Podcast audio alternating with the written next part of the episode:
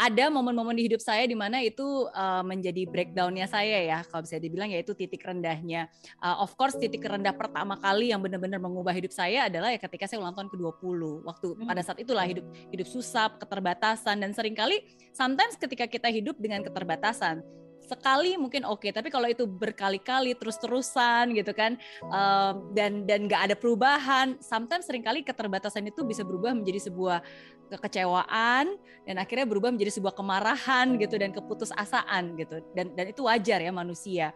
Ya tapi for the first time in my life saya sungguh-sungguh bersyukur bahwa uh, Tuhan masih sayang sama saya sehingga dia menyadarkan saya gitu bahwa ya nggak ada gunanya gitu kamu marah-marah menyalahkan keadaan gitu kan uh, apa ya mengasihani diri sendiri gitu untuk apa? gitu kan.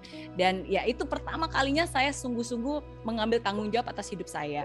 Dan saya percaya bahwa um, ya mungkin ada banyak hal yang bisa hilang gitu dalam hidup kita ada banyak hal yang berkurang apalagi selama dua tahun pandemi ini gitu ya banyak hal yang hilang banyak hal yang berkurang. Tapi satu hal yang sungguh-sungguh nggak boleh hilang adalah jangan pernah hilang harapan. Jangan pernah hilang harapan. Um, karena selama kita masih punya harapan, ya kita masih punya kekuatan gitu untuk bisa berjalan. Dan selama kita masih berjalan, ya berarti kita masih punya kesempatan untuk membalikan keadaan gitu.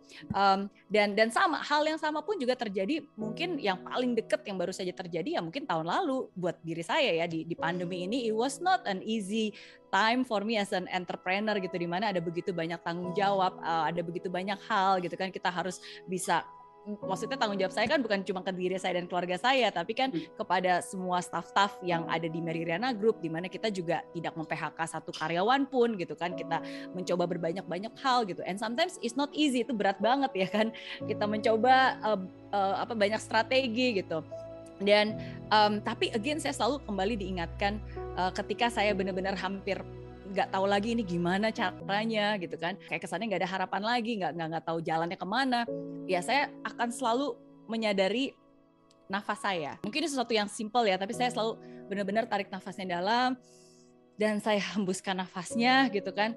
Dan saya menyadari nafas itu dan ketika saya sadar wah saya aja masih hidup loh, masih nafas. Berarti Tuhan aja nggak nyerah sama saya. Kalau Tuhan nggak nyerah sama saya, kenapa saya nyerah dengan diri saya sendiri gitu? Dan sering kali um, kadang-kadang tuh kalau kita stres ya karena kita mengandalkan kemampuan kita ya yang sangat terbatas gitu. Jadi kita stres. Tapi ketika saya sadar bahwa oh actually I'm not the boss. I have my own boss. He's the boss. Actually, he's smarter than me. He can show me the way. Ya dia akan mengguide saya gitu. Kenapa saya jadi so pinter gitu berusaha memikirkan semuanya dengan kekuatan saya sendiri gitu. Tapi ketika saya berusaha benar-benar berserah, berserah bukan pasrah ya, benar-benar berserah dan sadar dan saya tahu, oh oke, okay, saya harus ingat tugas saya. Jadi kita jangan sampai salah tugas gitu. Tugas saya adalah prosesnya.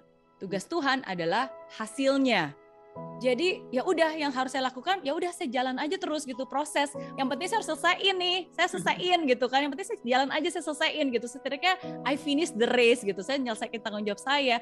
Hasilnya seperti apa ya itu urusan Tuhan. Itu sih biasanya cara yang membuat saya selalu bisa bangkit lagi dan jalan lagi. Dan uh, saya sudah mendesain dalam hidup saya bahwa um, saya apa ya um, jangan menjalani hari dengan perasaan. Karena kalau kita jalani hari itu dengan perasaan perasaan kita tuh naik turun ya. Kadang semangat kadang lesu kadang down. Ya tapi jalani hari dengan iman. Hmm. karena kalau kita jalani hari dengan iman kita yakin kita percaya gitu ujungnya pasti baik gitu. Kita jalan aja gitu. Kalau jalani dengan iman ya iman itu kan berarti ya kita nggak harus tahu semuanya seperti apa kan. Tapi kita berjalan dengan iman kita percaya gitu bahwa semuanya akan baik-baik saja. Jadi biasanya itu sih caranya.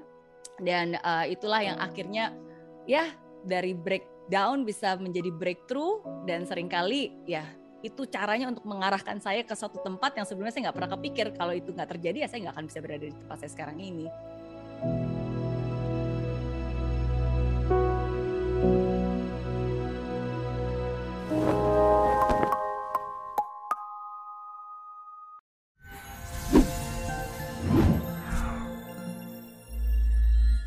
Di aplikasi Mary Riana tersedia lengkap video-video YouTube terbaru saya, artikel yang up to date, post inspirasi, koleksi merchandise, workshop dan seminar yang bisa kamu dapatkan free dan download sekarang juga gratis.